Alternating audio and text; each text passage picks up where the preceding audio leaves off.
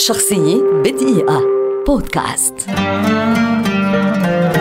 أديل مغنية وكاتبة أغاني إنجليزية اشتهرت منذ ألبومها الأول عام 2008 وتعد اليوم واحدة من أشهر المغنيات وأكثرهن تأثيرا على مستوى العالم ولدت عام 1988 بدأت الغناء في سن الرابعة وفي عام 2008 صدر ألبومها الأول بعنوان 19 وحقق نجاحا باهرا نقديا وجماهيريا واحتل المرتبة الأولى في بريطانيا وحصل على سبع أسطوانات بلاتينية كما بلغت مبيعاته 6.5 مليون نسخة في جميع أنحاء العالم.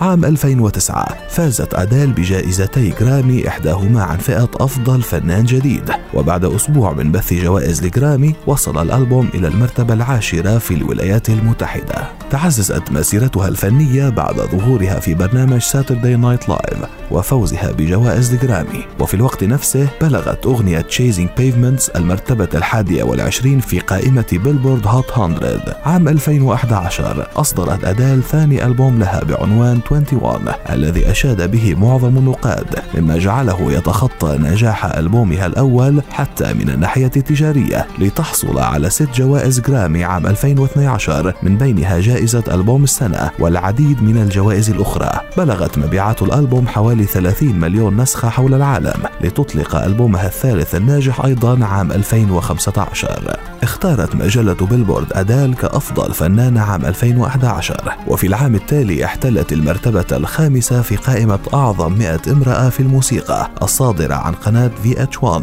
وأدرجتها مجلة التايم ضمن قائمة أكثر الأشخاص تأثيرا في العالم. وفي عام 2013 فازت أديل بجائزتي الجولدن جلوب وجائزة الأوسكار عن فئة أفضل أغنية أصلية عن أغنية سكاي فول شخصية بدقيقة.